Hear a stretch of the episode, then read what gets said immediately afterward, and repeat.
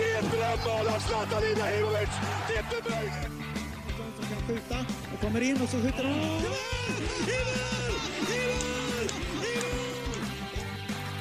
kan bli svensk hjälte. Du räddar denna straff mot Cavallo. Här kommer Cavallo, lägger den. Ja! Han räddar! Han räddar!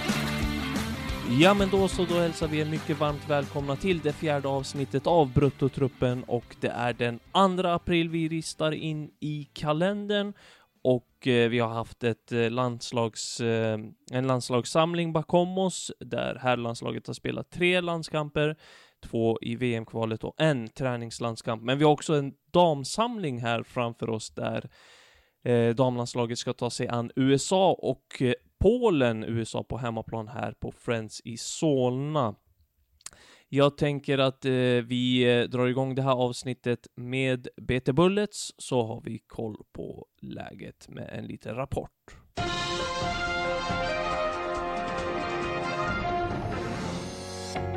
Svensklaget Chelsea fortsätter skörda framgångar. Juventus-svenskorna tog en stor seger nyligen och det svenska herrlandslaget kammade hem tre raka vinster. BT Bullets börjar denna gång i England där Chelsea återigen är på tapeten. Svensklaget toppar fortsatt Super League med fyra återstående omgångar och de kommer senast från en 2-0-seger hemma mot Aston Villa där Zecira Musovic fick göra sin andra start för säsongen. Med från start fanns även Magdalena Eriksson och vilade gjorde Jonna Andersson.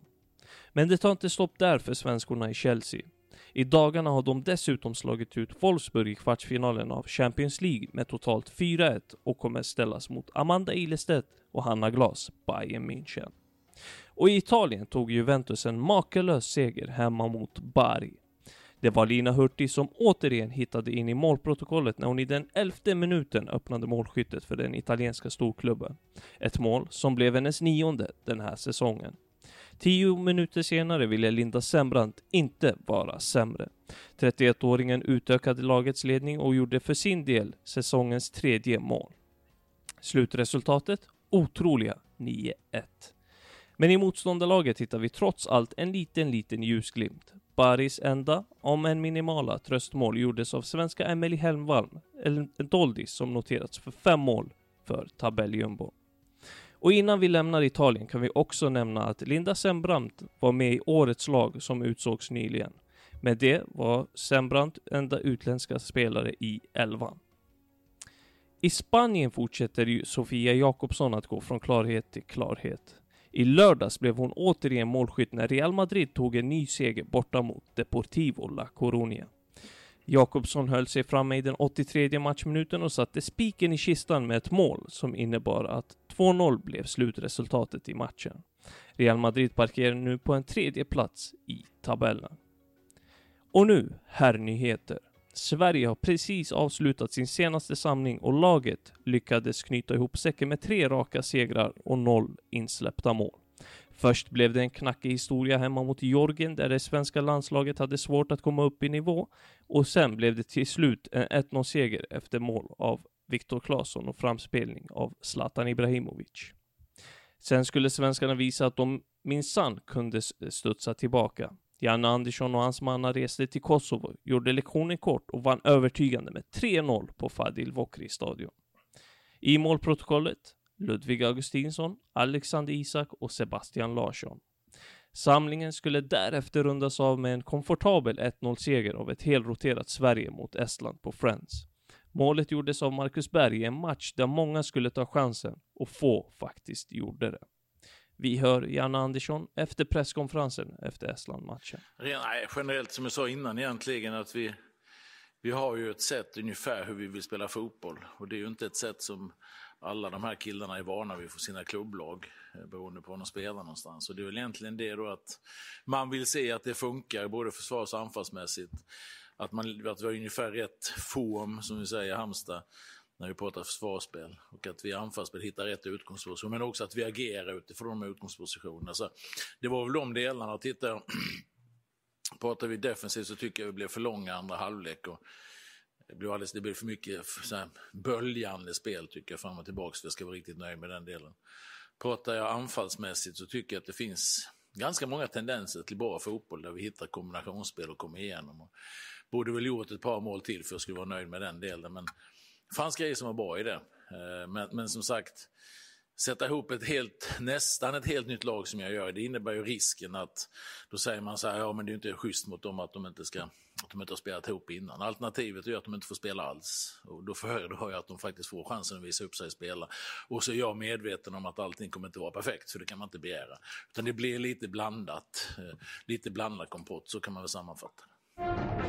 Ja, Konrad, en eh, het och fullspäckad vecka för vår del som har varit på landslagsmatcherna här, både mot eh, Jorgen på hemmaplan och sen mot Estland och följt Kosovo-matchen också såklart. Jag tänker att vi börjar där eh, rapporten slutade. Vi börjar med herrlandslaget och eh, det som har varit och vi kan väl, ja men vi börjar väl med att, ja men vi kan väl säga att det har varit ett land, lyckat landslagsuppehåll, eller hur? Absolut, eh, det har ju varit lite speciellt för att Zlatan har kommit tillbaka och Granqvist har varit tillbaka så det har varit att två spelare som inte, till skillnad från de andra nya spelarna i landslaget senaste åren, inte är unga och talangfulla utan de är väldigt talangfulla men de är lite äldre herrar så att eh, det har ju varit speciellt där och en dynamik som är speciell tror jag.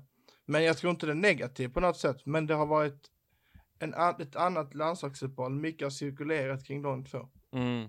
Och sen så, visst, visst har det känts som att det här landslagsuppehållet har varit i en evighet, men att det inte har varit på ett negativt sätt?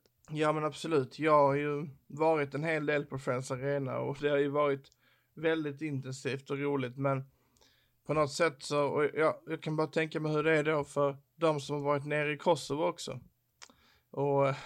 Hektiska jag, dagar minst sagt. Ja precis, nej men vanligtvis så tror jag inte att vanligtvis tror jag att landslagsuppehåll inte riktigt når den här piken som det här gjorde. Just att vi fick tre segrar, vi fick tre stycken stabila insatser, eh, vi fick se så många spännande spelare. Jag tror att den här landslagsuppehållet var nog ett av de mest signifikativa under Jannes tid enligt mitt sätt att se på det. Kanske kopplat med det första som Janne någonsin hade. Ja, du säger det, tre stabila segrar tyckte jag hör, mig höra och eh, jag är beredd att säga att Jorgen-matchen var långt ifrån stabil. Och vi kan väl börja där. Eh, var det verkligen en stabil insats? Ja, men alltså jag, jag kan ju köpa den invändningen, men, men eh, jag tycker inte Jorgen förtjänade någon seger direkt, utan det, det skulle kunna blivit 1-1, men i efterhand så ser man ju 1-0 som ett ganska bra resultat. Det är klart att man hade velat ha ut fler mål av laget och sådär. Och jag tror Janne är nog besviken, men när man tittar tillbaka om ett år eller sådär när man ska summera så står det 1-0 i protokollet och man har en hållen nolla så det är klart att den, den, skulle man kunna räkna som något annat än helt stabil men Nej men alltså jag är beredd att säga att man snarare blev orolig efter Jorgen-matchen och att det var en långt ifrån stabil insats så att det snarare var Jorgen som skapade mest och kanske till och med förtjänade segern. Du ser tvärtom att de inte förtjänade segern och kanske ett kryss. Men enligt mig så eh, det, det räcker med att bara kolla highlights liksom för att förstå att Jorgen hade de farligaste chanserna och var förtjänt av minst, minst en poäng och möjligen mer förtjänt av tre poäng än vad Sverige var. Eh, och visst, man kan se det positivt ur det, den aspekten att man får med sig en 1-0-seger. Det är alltid bra att vinna när man är, spelar uselt liksom. Men det var ingen bra insats och det var mycket som, som såg läskigt ut.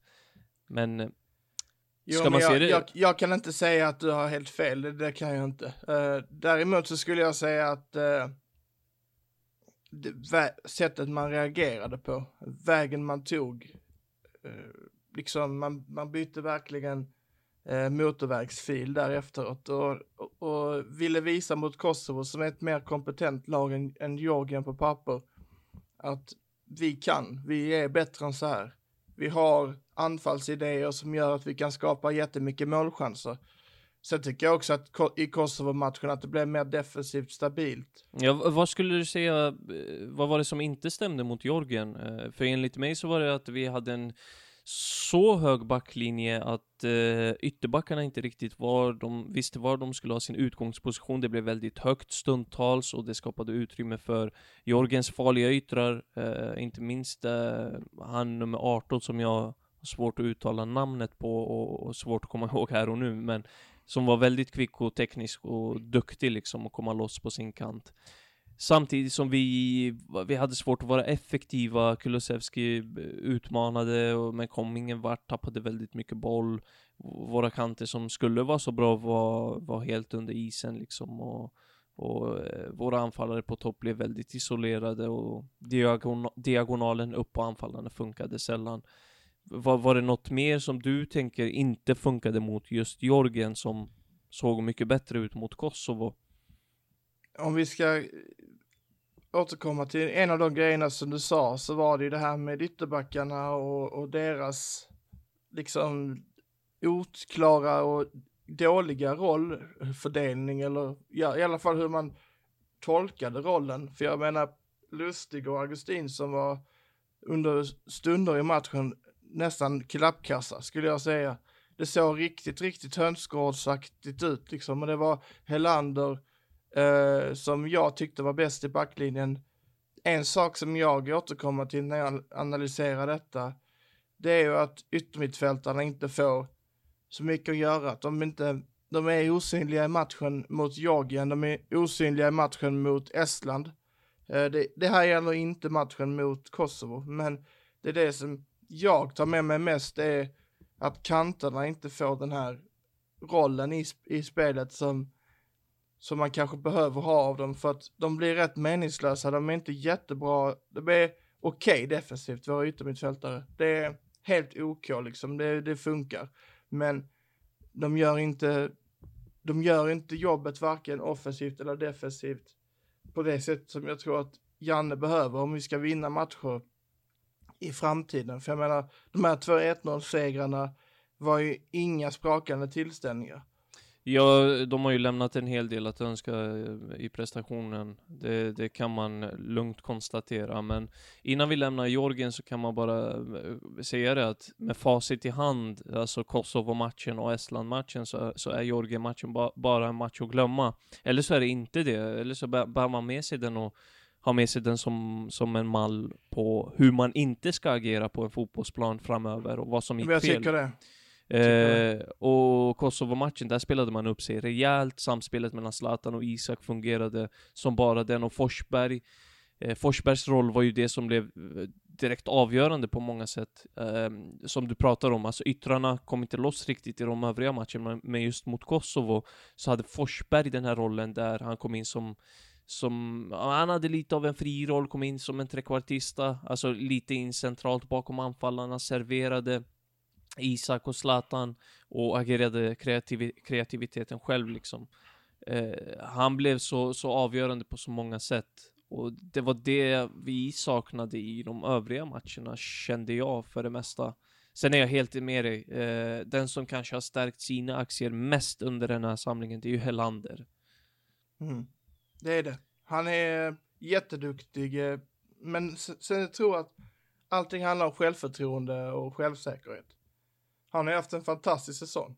Ja men så är det ju. Alltså det här visar, det här är ju ett eh, facit också på att eh, får, får du chansen och får du, får du förtroendet från tränaren, eh, både i landslaget och eh, klubblaget, ja men då, då går det ofta bra. Om du har kvaliteterna vill säga. Och Helander har ju uppenbarligen eh, kvaliteterna. Och jag, jag har ju pratat lite grann om att han har varit lite valpig tidigare och att det har sett lite klent ut när han eh, klivit in i duellerna och så, men jag tycker snarare att han ser mycket mer rejäl ut och, och eh, ja, men, viker inte ner sig på samma sätt och, och är mer kan man säga att han är mer skotsk i sin spelstil också? Ja, men det är lite av en brittisk mittback nu tycker jag. Eh, mycket det är många sådana man tittar på varje år i Premier League som, eller man, ni som kollar på Premier League tittar på såklart.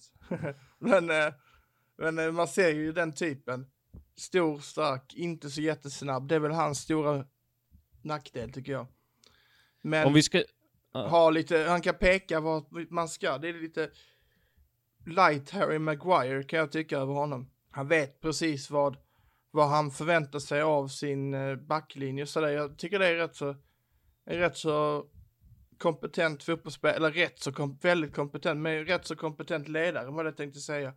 Jag tror att man behöver det bredvid Lindelöf, för Lindelöf är inte naturlig ledare, vilket jag eh, förra veckan fick ut honom, eh, eller på presskonferensen fick honom att säga dessa rakt ut, liksom att han inte ser sig som, han ser sig som en ledare som kan säga till om det behövs, men det finns så starka ledare så att han inte själv behöver det, säger han. Ja, och samtidigt under matcherna så tycker jag att man ändå hör honom med styra sina lagkamrater och han, han hörs ju över hela plan, så viss ledarskap så tycker jag mig ändå se hos eh, Lindelöf, även om han kanske inte är den första som steppar fram i rummet eh, på det sättet.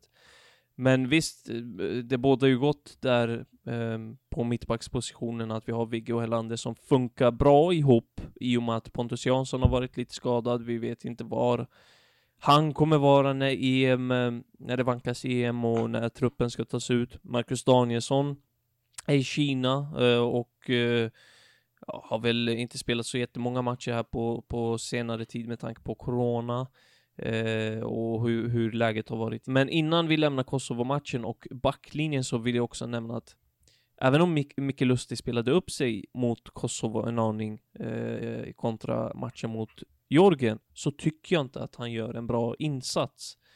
Och det gör en lite smått orolig gällande högerbackspositionen för Emil Kraft. Han eh, stärkte inte riktigt sina aktier när han fick chansen mot Estland. Det var väl du som hittade någon statistik på crossbollarna från eh, Lustig? Att det var någonting i stil med en av åtta eller en av tio, eller vad var det? En av sju va? En av sju crossbollar till rätt adress och det, ja, det var är det ju... någon annan i, i, var det någon nu i, i förrgår som hade en, ett av åtta då, kanske? För jag Ja, tror det- att jag läste det någonting. Men i alla Mm, fall, det det, är, eh, det är inte bra. Eh, Det är det inte. Sen är inte, han, han är ju inte den offensiva ytterbacken i sitt esse liksom, utan det, han är ju bättre närmare sitt eget straffområde, men, men det är där Sverige behöver få in någon ny här nu när det är dags att, att generationsskifta så behöver man Tinnerholm eller en, nu säger jag inte att han är bra nog, men spelartypen. Tinnerholm eller Erik Larsson. Jag, som sagt, jag säger inte att de platsar just nu, utan det är, jag tycker Lustig är bättre totalt sett, framförallt en ledare med massa landskamper, men det är oroande som du säger och jag tycker det blir inte helt nytt den här samlingen att det ser ut så. Jag menar, det var ju två, tre år sedan han började se lite, alltså han har ju tagit en större roll, men han är inte bättre fotbollsspelare än vad han var när han spelade i Celtic. Det är han ju inte. Nej, och alltså visst, han bidrar med sin rutin och, och är bra i positionsspelet ganska ofta och står rätt och sådär. Även om jag tycker till och med det såg ganska dåligt ut här mot Estland och, eh, förlåt, mot Georgien och Kosovo. Men... Helt eh, enig. Och, och alltså, vi har ju inte bättre alternativ där på, på högerbackspositionen. Även om jag som dig eh, kanske tycker att Tinnerholm borde få chansen uh, och visa upp sig. Men just det här med Lustig, alltså. Kan det ha att göra med att den allsvenska säsongen inte är igång och att det kommer se bättre ut i EM när han har fått några matcher på nacken eh, det här året? Eller, eller är det så här det kommer se ut under EM? Det är jättesvårt att svara på, men det är en väldigt bra fråga.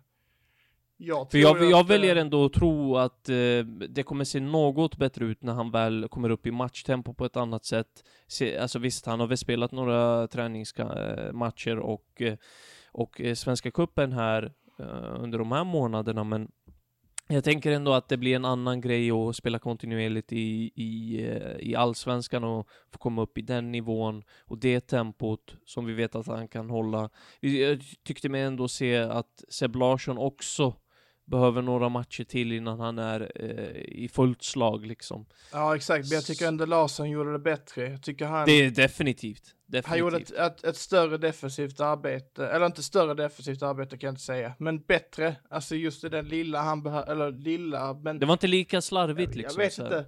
Nej men jag vet inte riktigt hur jag ska formulera mig kring Larssons insats, men jag, jag tycker det var, det, alltså när vi tittar på första matchen framförallt, så tycker jag att han, han inte riktigt visste vad han skulle göra riktigt, utan det var lite hönsgård även på mittfältet. Eh, jag tycker Kristoffer Olsson hade väl en ganska dålig inledning och sen spelade han upp sig rejält, men att Larsson, han fick ju mer vara den här ansvarstagande, lite mer tillbakadragna, så går upp lite då och då, men jag tyckte han gjorde det bra, men han är bättre på, jag tycker han är bättre när han får fördela lite mer än vad han fick göra då. Mm. Jag tycker, alltså eh, om vi ser på Seb Larssons eh, hela samling så, så tycker jag att han varken bu eller bä. Alltså, eh, för Lustigs del så var det mycket mer bu än bä, och för Larssons del så var det lite mittemellan, och han blandade och gav, briljerade inte på något sätt, men gjorde inte bort sig heller. Och ja, visar väl sig, han kommer nog vara ett, en tillgång här under EM, men frågan är om han är tillräcklig för startelvan. Jag tänker att vi ska snacka lite Estland också innan vi, vi går in, vi avslutar eh, samlingen. Och innan det så, så har vi ju varit inne lite grann på eh, den svenska spelidén, diagonalen på Zlatan, Zlatans huvudspel, eh, att eh, Forsbergs kreativitet och den höga pressen som vi såg mot Estland, som vi såg i alla de matcherna, som resulterade i erövring av boll och, och farliga chanser. Eh, allt sånt tycker jag mig vara positivt i Janne Anderssons bygge att vem som än kommer in på vilken position som helst, visst, kvaliteten skiljer ju mellan spelarna, men spelidén, den består. Finns inte Zlatan på plan, ja men då spelar vi diagonalen på Berg som är stor och stark i luftrummet som ordnar frisparkar. Eh, och eh, vem, vem är bredvid honom då? Men då har vi Robin Quaison som river och sliter istället för Alexander Isak. Ja men absolut och det, det var ju, det såg ju väldigt positivt ut i början av Estland-matchen. Jag tycker första 20 minuterna var ju väldigt, väldigt bra för ett reservlag. Sen tycker jag att de sjunker ner sig lite grann och inte riktigt lever upp till sin potential. Jag tycker det är när Kulusevski kommer in i andra halvlek där det börjar hända saker igen. Och han, han visade ju, jag, jag skriver det i min krönika som kommer upp på sajten, när ni, eh, när ni har fått ut det här avsnittet så, eh, och ni sitter och lyssnar på detta kan ni läsa det på svenskafans.com.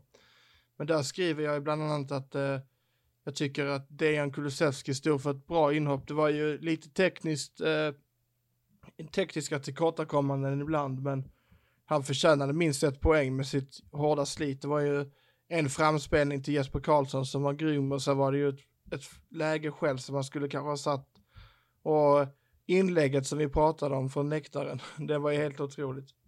Mm, ja, nej, jag håller med dig. Han kom in och var, var en injektion verkligen och var, var, var eh, sprudlad av energi och, och känslan var lite grann att han han hade på känn, eller visste om att han inte gjorde någon bra match mot Jorgen, så nu gällde det att komma in och Ja men att han också hade en del kvar att visa. Visst, jag, jag ser ju honom som given i EM-truppen, men han, han, behöver ju visa mer om, om det ska vara helt självklart. Eh, annars så, alltså visst, en bra insats från Dejan, ett bra inhopp, men annars så var det inte jättemånga som briljerade och tog chansen i Sverige och stärkte sina aktier inför en eh, e EM-uttagning. Men vilken insats av Jens Kajuste! Jens Kajuste var ju faktiskt Sveriges största eh, utropstecken. Och Svanberg ser ju väldigt bra ut i första halvlek framförallt, men jag tycker Jens, det som stack ut med honom, det var att han var så likadan ut i 90 minuter. Det var ju samma defensiva jobb, det var ju samma offensiva kreativitet, just det här, eller inte kreativitet, men det här blicken över var ska jag lägga bollen, var ska jag gå härnäst? Det känns som att när han fick bollen så såg han redan crossbollen som han skulle lägga. Eh, så att det var ju både, det är både en smart spelare men också en en mittfältare som inte har några problem med att lägga, lägga sig ner och liksom bryta eller vad det nu kan vara och det, det tycker jag är väldigt imponerande så att jag menar, han kommer ju täcka en del yta samtidigt som han faktiskt gör ett defensivt jobb. Och det kommer I... Sverige ha sån stor nytta av. Ja, alltså den grejen med Kajuste som jag gillade mest var nog det här att han kan eh, stå för en glidtackling, vinna boll i ren Maldini-anda och sen bara starta upp ett anfall. Alltså det såg så fint ut när han bara, bara så, han var så självklar i allt han gjorde. Och, och såg så rutinerad ut. Och att han var 21 år är 21 år gammal. Det syntes verkligen inte i den här matchen och spelade rutinerat, spelade moget och eh, visade upp att han har ett brett register liksom, en bra passningsfot, en, en, en smart fotbollshjärna eh, och, och en fin defensiv och att han, han var bra på flera grejer här och eh, för mig är han en komplett spelare av det vi fick se och av det vi har fått se tidigare. Det enda som vi inte vet, eller jag inte vet än, är om, om han kan skjuta liksom, det, för, för, att han inte fick avlossa något skott. Men kan han Nej, det så, så, herregud. Nej men det, det, det kan jag tycka så här att skjuta, det är ju det är roligt om man skulle kunna göra fyra, fem landslagsmål eller tio kanske max då. Men eh, jag tror att det kan komma från en Svanberg eller en Olsson. Kanske. Jo, jo, absolut. Jag menar bara att uh, han hade ju varit helt uh, suveränt komplett om även, han även har skottet liksom. Då hade Kessi fått flytta på sig. Exakt! Ja, då är det bara att ringa upp Maldini och ringa, köpa in honom till Milan. Det, det hade jag inte tvekat på. Nej, Nej men jag, du... jag tycker det, det känns lite som att han är en, han är en för jag har sett några matcher i, från Midtjylland också. Jag gillar ju danska superligan eh, och sådär. Och det, det är inte sådär jätteofta, jag kollar inte varje helg. Men det är, det är lite som en modern tolkning av en, eh, av en eh, som du skrev i krönikan, en Patrik Vieira, men också en, en lite av en, en, en Gattuso, fast en lite mer spelande kanske spelare. Ja, men han påminner väl lite, alltså om vi pratar Gattuso och pratar Kessi som du nämnde i Milan. Lite städgumma, men ändå fina fötter. Alltså, eh, han kan både spela boll och driva boll, men han är också, han har det här hala i sitt eh, rörelsemönster. Han är, han är mjuk, han är fin att titta på. Sen ska det ju också sägas, precis som jag skrev, att det är Estland vi möter och man ska komma ihåg att det är inte, alltså det är ett mittfält som man knappt kommer ihåg namnet eh, på spelarna.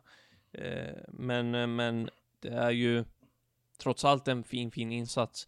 I övrigt så tycker jag inte att någon stack ut mer än att eh, Marcus Berg och Robin Quaison stod för eh, två riktigt bra insatser, kompletterade varandra väldigt bra som sagt där Robin Quaison rev och slet och Marcus Berg eh, slogs och duellerade och vann, vann bollar. Där, där, kan vi väl vara eniga om att det rörde sig mest om första halvtimmen och sen så dog det ut lite grann. Ja, eh, både ja och nej, för eh, jag tycker att de fick ganska mycket att jobba med första halvtimmen, men sen så blev det mindre att jobba med i resterande delar av matchen. Och det kanske gjorde att de föll ur. I övrigt, många kantbyten på Jesper Karlsson och Ken Sema där man testade både att bryta in med eh, inåt i banan och, och avlossa skott och, eh, och att, ja men inlägg också och lite sånt.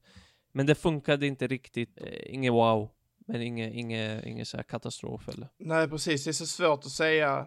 Eh, lite kort bara här med mittbackarna som inte gjorde bort sig och heller inte stack ut på något sätt. Det var väl Nilsson som stod för någon eh, jättefin aktion där. Men i det stora hela skulle jag säga att det här var ju kanske inte perfekt för de mittbackarna för att de vill ju, vi, de har varit bättre för dem att möta Tyskland och få göra jättemycket glidtacklingar och stå i vägen för några skott. Eh, så att jag, jag, jag kommer komma till det sen, men jag tror inte att någon av de här har gynnats av detta. Och eh, kan vara så att båda missar EM, om det nu blir 23 spelare. Men det ryktas ju om att det ska bli fler, så att... Eh... Ja, men, men, men, lite som du säger, alltså de, de sattes inte på något prov alls här mot Estland och hade väldigt lite att göra. Och i en sån här match så är det väl kanske snarare positivt att man inte sticker ut som mittback. För då, då, då betyder det att man inte har gjort bort sig.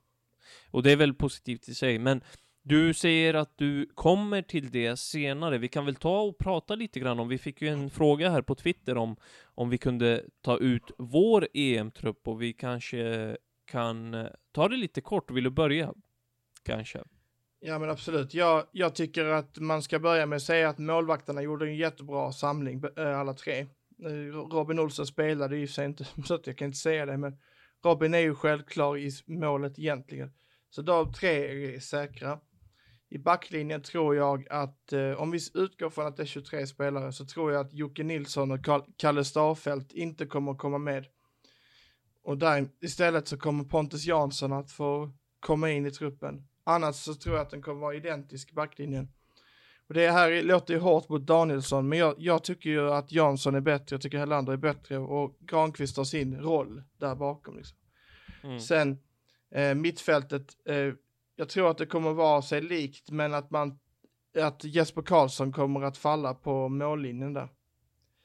Eh, och, och annars så är det ju en identisk trupp som jag har kommit fram till. Jag tror att Ken Sema kommer att komma med för att han är duktig på båda kanterna och så. Ja, jag är nog lite inne på samma spår. Jag ser inte att, även om vi, jag och du kan tycka att till exempel Gagliolo ska finnas i truppen och att Emil Kraft kan ryka där, Uh, och att man tar in eh, uh, Gagliolo som alternativ på vänsterbacken och, och to, alltså tar bort Pierre, Pierre Bengtsson också som Visst, han gjorde en helt okej andra halvlek här mot Estland, men sett i helheten inte tillräcklig. Spelar ju Vejle, med all respekt liksom, men, men det, det håller ju inte uh, för mig. Och ja, vi skulle kunna ha in Gagliolo och att Seb Larsson vikarierar på högerbacken om det skulle behövas och in med Jordan Larsson i anfallet och lite sånt. Men jag ser inte heller att Janne kommer göra några större förändringar i den här truppen. Jag tror att han kommer att behålla eh, de här fyra anfallarna. Marcus Berg, Zlatan, eh, Robin Quaison eh, och nu har jag glömt den. Isak såklart. Men ja, i övrigt så, det, det, är alltså, det är väl de här som du nämner som ligger risigt till. Jag, jag glömde en spelare som jag tror inte kommer komma med. Shoot. Och det här säger emot allting vi har pratat om hittills.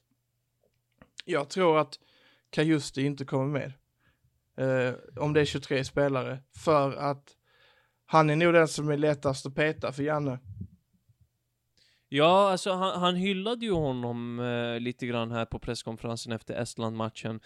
Men jag tycker ändå att han höll, höll tillbaka lite grann. Kände du också det när vi satt där? Att, ja visst, eh, Kajuste har, har, gör väldigt mycket väldigt bra, men, men han gör vissa grejer lite sämre också. Och så, så sa han om hela laget liksom.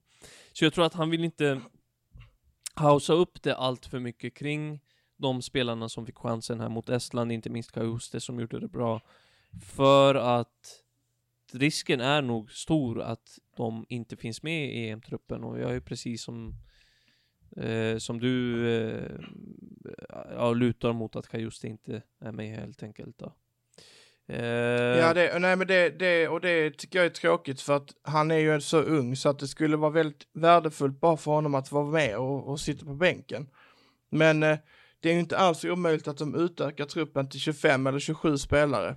Och då tror jag att eh, både han och eh, en, en av mittbackarna, alternativt kanske eh, Marcus Danielsson, även kommer att komma med för att han är väldigt, väldigt duktig och sådär. Jag, jag skulle i, i en ideal värld om man hade tänkt bort ledarskapsegenskaper så hade jag nog tagit bort en Sebastian Larsson och satt in honom istället bara för att framtiden säger det. Men så tycker jag att Sebastian Larsson har definitivt en roll att fylla och jag tycker han var väldigt han är väldigt ödmjuk i landslagssammanhang men sen är, ute på planen så är han en jättejobbig spelare att möta. Så att för mig Sebastian Larsson är given i truppen just nu men jag ser, jag ser inga, inga nackdelar med att i, i framtiden så kommer Jens att komma in istället.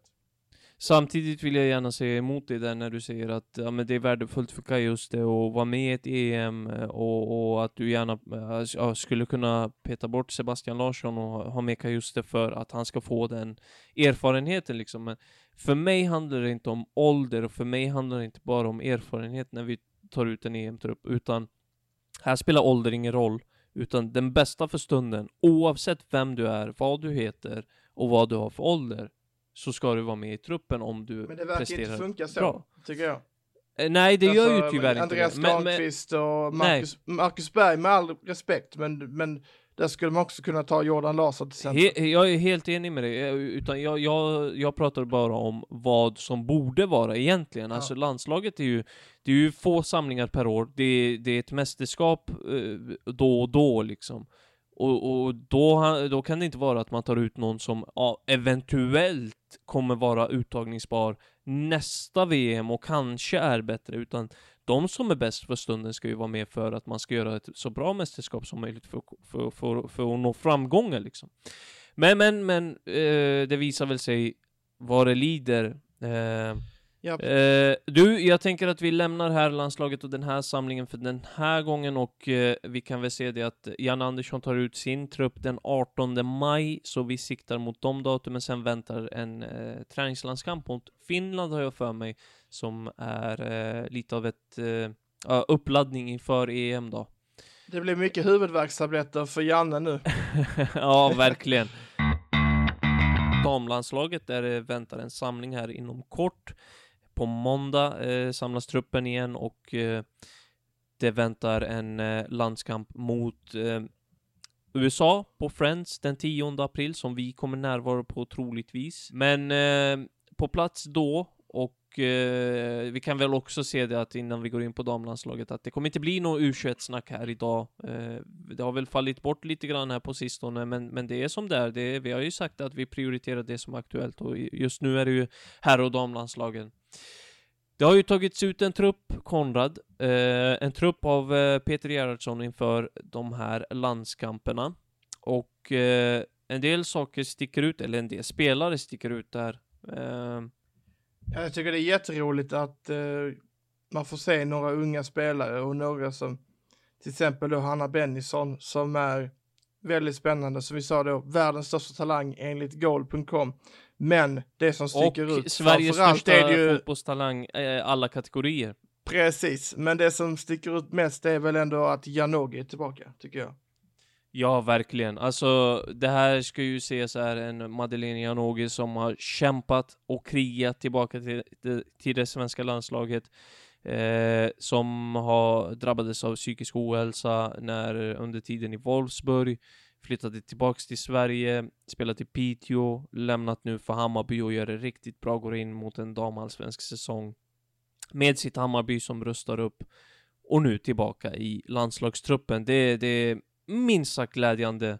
Ja, hon, hon är ju så pass skicklig att hon motiverar en plats i truppen och hon skulle kunna spela utomlands, men hon vill, hon verkar kanske inte vilja det och det är i alla fall så det, som det ser ut just nu. Vi får ju se. Det Sen, kanske sen ska blir vi också en se... flytt till Italien eller Tyskland eller England, vad det lider. Men Exakt.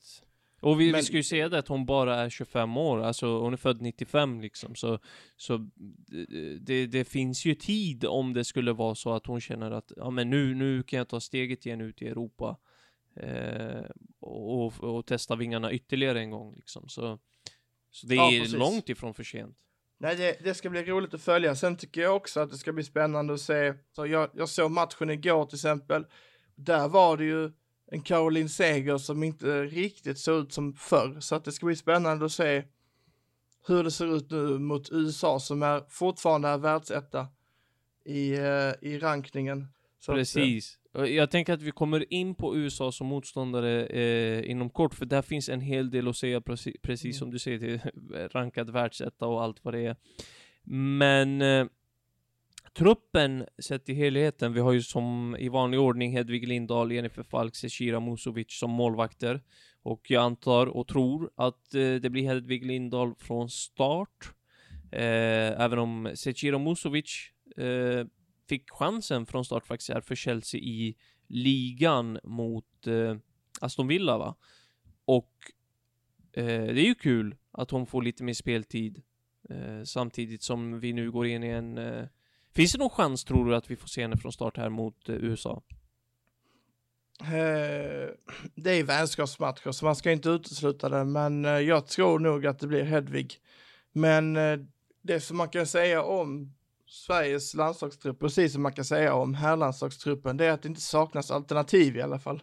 För eh, i backlinjen så har du ju Sembrant, Eriksson, Ile, Ilestedt och Fischer på samma position. Det är ju helt galet ju. Ja, alltså, eh, jag tänkte komma in på eh, backlinjen eh, precis nu. Alltså, hur ska Gerhardsson formera den här backlinjen? Det, han har ju så många kvalitetsspelare på så få positioner. Kan det bli, alltså jag, jag gissar ju på att det blir eh, John Andersson till vänster, Hanna Glas till höger, men sen är det ju öppet om mittbackspositionerna. kan det bli Linda Sembrant och, och, Linda Sembrant och Amanda Ilestedt? Eller är det för hårt att peta Magdalena Eriksson? Jag tror att Nilla Fischer, som börjar komma upp till åren, eh, med all respekt där, eh, 36-37 år, eh, inte kommer starta. Hon har ju inte startat på sistone, även om hon fick, jag tror att hon startade mot Malta senast, men det, det var ju en träningslandskamp så. Nu är det mer förberedande inför OS. Eh, vad tror du om, eh, blir det Hanna Glas och John Andersson till eh, höger, vänster och vilka, vilka blir det centralt? Ja, alltså på ytterbackarna är det lite mer självklart tycker jag. Sen så finns det ju en, en Rybrink och framförallt tycker jag då att tillgå så att det, det, skulle kunna bli att han roterar bara för att det är en träningslandskamp. Men eh, framförallt tycker jag att jag menar Glas, Andersson, Sembrant, Eriksson, Ilestedt, det är ju flera av världens bästa lag de spelar för. Det är, det är faktiskt jättehäftigt och sen så glömde jag bort den, eller jag valde att inte nämna Fischer för att hon kanske, är, som du säger, hon kanske är på väg ner. Men hon är ju, hon var ju en av världens bästa spelare i många år. Så att eh, hon har ju fortfarande någonting att ge. Så att det, det är en fantastisk situation som de har där. Det, det kanske är den bästa backlinjen i världen på damsidan. Verkligen, och eh, snacka om lyxproblem för Peter Gerhardsson. Eh, men eh, som sagt, det är stor konkurrens i backlinjen, men vi har också ett mittfält som som består av flera kvalitetsspelare. Vi har ju bland, bland annat, alltså jag gissar ju på att Caroline Seger och Kosovare Aslani är givna i elvan på mittfältet. Eh, tre, manna, tre, eh, tre spelare på mittfältet blir det ju. Sen är det väl lite mer öppet om den sista platsen där på mittfältet, tror jag. Ja, precis. Så eh, de fyra övriga platserna tror jag att det kommer handla om och vilken ordning, det vet jag inte, men jag tror att Blackstenius kommer få spela. Det känner jag personligen. Eh, och Hurtig måste väl få chansen. Hon kan är, väl inte det... petas alltså? Nej, hon är väl, alltså hon är nästan formstarkast, men är det Sofia Jakobsson eller, eller är det Rolfö? Det är det som man frågar sig. Men mm. Tror du inte att Hanna Bennison får chansen där som tredje mittfältare? Tror du det? Alltså jag tror att det, hon, ja visst träningslandskamp men jag tror att det är lite för tidigt. Jag tror att det är Angeldal alltså. Mm. Nej, Filippa Angeldal är också väldigt kompetent så det skulle inte skada ju. Men eh, Ja. Sen ska det ju också sägas det att alltså, eh, ser vi på, på de här namnen, mittfältarna och anfallarna, bortsett från backlinjen som vi ju alldeles nyss hyllade, så är det ju också otroligt bra namn, både, både på mittfältet och anfallet alltså. Eh, snacka om lyxproblem överallt för, för eh, eh, Peter Gerhardsson. Han har ju som, som vi sa, Lina Hurtig är en stor form. Olivia Skog har varit helt okej okay här under försäsongen. Alltid bra. Fridolina Rolfö är bra för sitt eh, Wolfsburg. Rebecka Blomqvist har du hyllat några gånger. Eh, ja, Stina jag, jag vill ju se henne. Det, ja. Så är det. Och Madeleine Janogy pratade vi om här i inledningen. Det är en fin spelare, alltid liksom. Så alltså det här ska bli superspännande. Men jag tror faktiskt Sofia Jakobsson och Lina Hurtig. Jag väljer att tro på att han startar med dem. Och sen så har vi Stina Braxenius. Det kanske blir den trion. Eh, men öppet är det definitivt. Ja men Stina kan ju absolut få spela. Eh, och hon är ju en av alla dessa Häckenspelare. Vad är det? Det är Angeldal, det är Falk, det är, det är ett antal till också. Vad är det? I det häcken, måste vara eh, någon sorry. till. Eh, jag vet att det är eh, Kurmark också. Mm. Eh, spelar inte Emma Kullberg också där? Jo, eh, Emma Kullberg spelar i Häcken, det stämmer bra det. Och så Johanna eh, eh Rytting Kaneryd också, som vi inte nämnde, som vi trodde att vi inte, inte kommer få starta. Men det är... Exakt. Vi får se, hon är väl inte hon har ju spelat i Rosengård senaste åren så att det, det är väl ingen, eh, det är väl ingen, det är väl ingen dålig spelare det heller så att jag menar, det finns alternativ så att, eh, nej men det ska bli spännande. Jag tror att, eh, nu har inte Peter haft sin presskonferens sen, eh, inledande där, men jag tror att det kan bli två olika elvor. Och det, jag hoppas nästan det, för jag vill se, eh, jag vill se mängden och liksom alternativen. Eh, och, Och jag tror att eh, Gerhardsson vill, precis som du, se mängden och alternativen i och med att han, precis som vi har nämnt tidigare, vill ta ut spelare som kan spela på flera positioner. Så, så där tror jag att han, flera kommer få chansen, kanske till och med roteras på olika positioner för att just se den här bredden, eh, för att just kunna, ja men, veta vem kan, kan eh, fylla ut ja, men, på flera fronter i en elva och utgå ifrån det. Eh, Ja, absolut. Och, men som sagt- Jag tror att mot USA så tror jag att man, han kan köra den allra bästa som man ser det. Och sen i andra matchen mot Polen som inte är högt rankat. Vi snackar om eh, ungefär plats 30. Eh, så, så eh, tror jag att Sverige kommer att spela med lite mer roterad elva, kanske lite yngre, kanske lite mindre Alltså man tar matchen som en träningstillfälle, som en träningsmatch ändå innebär. Mm. Eh, Polen är på plats 29, kan jag bara säga nu. Eh, och det, Sverige är i topp 5. Så att jag menar, Sverige ska ju ha den här matchen, om det är så är så, att man spelar med någon reserv eller så. Så att jag tror att det är väl där en Janogy kanske får chansen. Eh, och komma tillbaka in i landslagsspel och eh, visa sina framfötter. En, även en kanske en Kumark och en Bennison om du säger då att inte hon ska starta i första matchen. Så att, mm, mm det ska bli Eh, spännande att se helt enkelt. Det, jag, jag tycker det här, som vi har sagt till varandra eh, när vi träffades på matchen här mot eh, Estland sist, jag höll på att glömma vilket landslag det var vi mötte. Men eh, så, så sa vi det att det här ska ju nästan bli ännu roligare att få bekanta oss med det här nya landslaget med mycket, mycket, mycket ung talang i sig. Så att, eh, Verkligen, och, och jag vill bara nämna det också, att vi har snackat väldigt mycket om Hedvig Lindahl och Zecira Musovic, men vi får inte glömma Jen- eh, Jennifer Falk eller i, i Häcken, som jag bara vill, jag vill bara nämna en grej där, att Hedvig Lindahl debuterade i damallsvenskan som 17-åring. Jennifer Falk hade inte ens börjat spela som målvakt då, alltså på, på till 100%. Visste du om det? Nej, det visste jag faktiskt inte. Men det, det låter ju rimligt för att hon... Det här läste jag i det senaste numret av Offside, som för övrigt eh, är en, ett klockrent magasin. Eh, Prenumererar du inte på det, gör det. Eh, massa fina grejer att hitta där. Vi får jättemycket betalt för detta. Eller? Eller hur? Eh, Jennifer Falk, ja. Satsade fullt som målvakt där vid den åldern liksom, som 17-åring. Spelade tennis fram till det att hon blev 15 eller något sånt. Och velade mellan vad hon skulle satsa på liksom. Så, så blev det målvakt till slut och var en helt okej utespelare. Men häftigt hur man kan göra den resan. Eh, att, eh, ja, men så, så att, att satsa så sent och vara där man är idag som Jennifer, Jennifer Falk är. All cred till det. Herregud.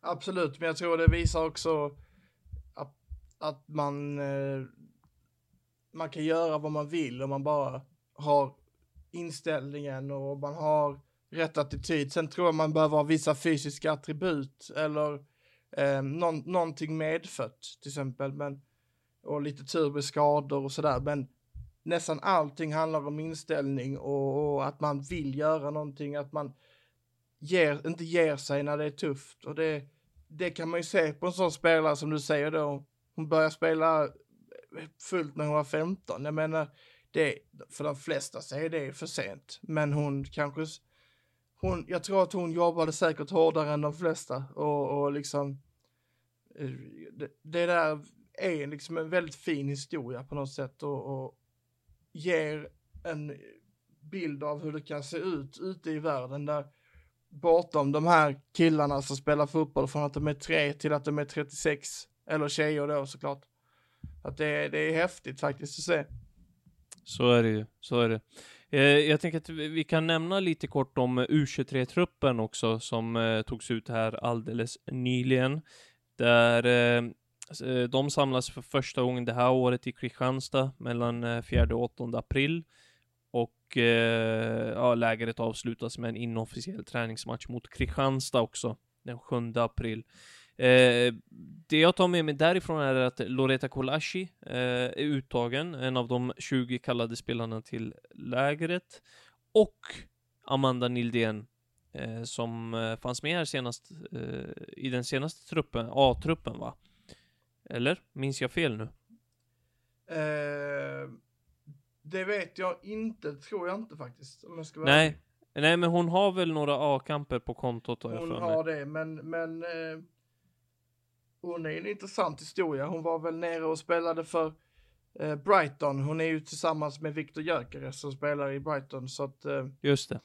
men nu är hon tillbaka i Eskilstuna och eh, ja, men hon, hon ser bra ut och, och eh, hon är väl en spelare som kommer närmare och närmare, men, men det är ju den här för, liksom, överjäkliga eh, konkurrensen på ytterbackarna. Det, Mm. ska hon peta Jonna eller Hanna? Det, det, jag ser inte det idag. Men eh, Framåt kanske. framåt, Eh, ja precis. Och eh, i övrigt så tar jag med mig att eh, Emilia Larsson från Hammarby är uttagen och det är en spelare som jag personligen håller väldigt, väldigt högt tillsammans med Emma Jansson i samma klubb. Vi har ju nämnt Madeleine Janogy, men det här är två spelare som gör det riktigt, riktigt bra i Hammarby. Stod för fina, fina säsonger i Elitettan i fjol, gjorde 17-18 mål var, eller något, sånt, och har, jag har själv kommenterat dem några gånger och gjorde Hammarby-Älvsjö här under försäsongen när de vann med 7-0. Och där såg Emilia, Emilia Larsson och Emma Jansson riktigt bra ut, så för er som inte har koll på dem, eh, håll ett extra öga, eh, för där tror jag att det finns mer att hämta. Jag tycker det är ganska sjukt att eh, de inte har varit med tidigare, men nu är i alla fall Emilia Larsson med. Och Hanna Lundqvist finns, eh, Bayerns eh, spelare där också. Unga spelare är också med här i den här truppen. Det, det kommer jag ta med mig. Som Eh, ni hör så är Gabriel en fullblods Hammarby-supporter. ja, eller hur? Ja. Ja, och, och, man, man kan nog inte komma längre ifrån sympatier med någon allsvensk klubb än vad jag har. Alltså, jag känner verkligen inte för någon klubb i allsvenskan. Det Du, du håller på Hammarby TFF istället. Men, men kul att jag kommer in på en helt annan Stockholmsklubb nu också. Rosa Kafaji som eh, Erik Niva gjorde ett fint reportage med här nyligen. Finns med i U, eh, U23-truppen också. En spänna, spännande spelare ehm, att eh, hålla koll på också. Eh, Cornelia Capox som eh, spelar i Linköping var i Uppsala i fjol. Eh, är en eh, yngre förmåga som jag också håller rätt så högt. Teknisk ytter som har fina fötter och ja, en trevlig själ i övrigt också.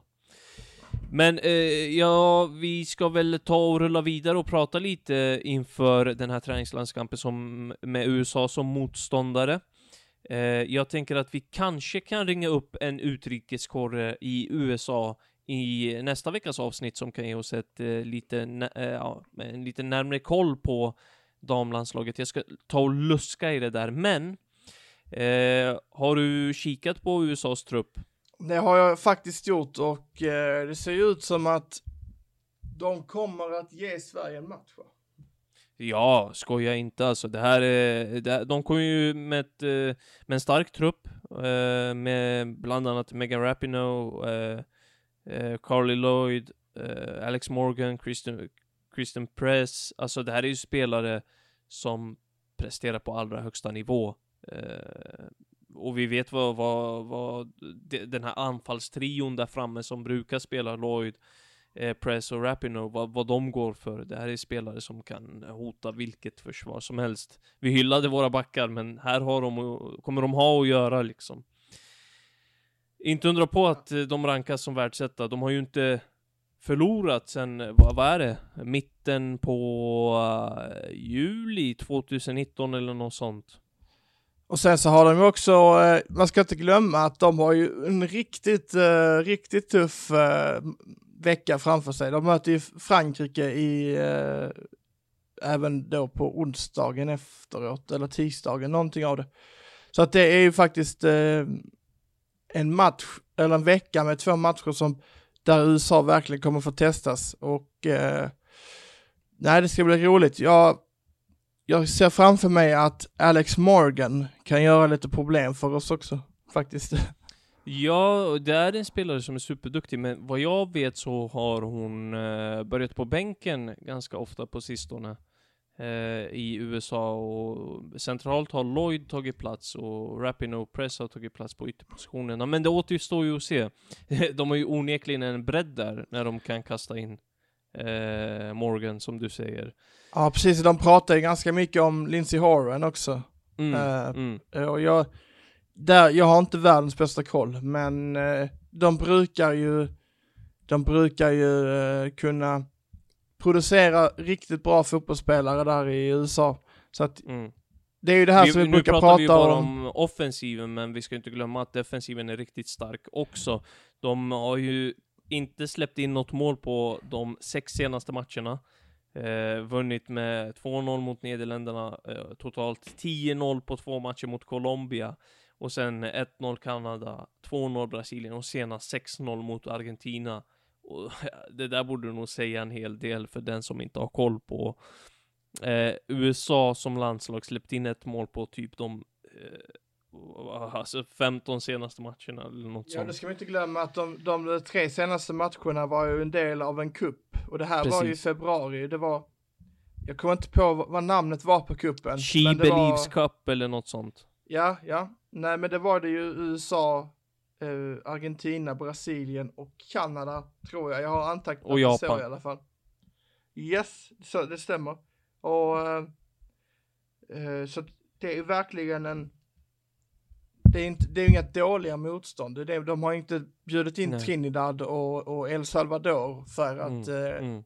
använda lite koner, utan det, det, det man får ju ändå räkna med att USA kommer och, och, och vill visa upp sig. Jag tror att USAs damlandslag är väl kanske det mest framgångsrika damlands, eller landslaget, både dam och herrsida, genom alla tider känns det som. Precis. Mest Och, dominanta någonsin. Det, är- Ja. det är ju liksom som de allra bästa brasilianska herrlandslagen någonsin. Som de bästa tyska, italienska. De, de sköljer ju över alla och verkar ha någon form av vinnarmentalitet som jag vet inte hur mycket man ser den, liksom i övriga delar av fotbollsvärlden. Den är fantastisk och jag, jag är alltid så imponerad av dem så det skulle varit väldigt roligt om Sverige knäppte dem på näsan här. ja, verkligen. Och sen så ska vi komma ihåg att även de laddar upp här inför ett OS och de kommer verkligen vilja gå, gå för det så, för, för att göra en så bra match som möjligt. Du, eh, USA och Sverige har mötts eh, 40 gånger. Ska vi kolla och se hur många som eh, du tror att eh, Sverige har förlorat? Ska vi säga en? En på 40 matcher. Nej, skojar bara. Eh, eh, USA har- har vunnit 23 av de här 40 matcherna och 11 stycken har nej, slutat nej, jag, i jag skojar, skojar bara. Så sex- Blott sex Nej. vinster till nej, eh, jag, Sverige. jag visste att det var väldigt få. Eh, ja. Alltså Ja. någonstans så, jag tror att Sverige, Sverige har väl vunnit ett par av de senaste mötena.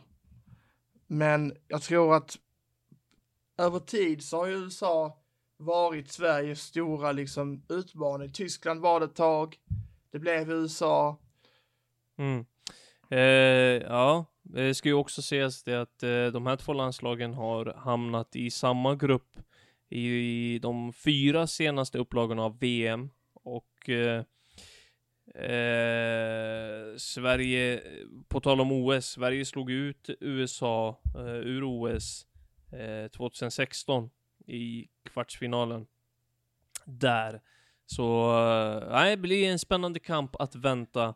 Jag tänker att innan vi rundar av det här avsnittet, eh, Konrad, så ska vi nämna lite kort om Champions League också.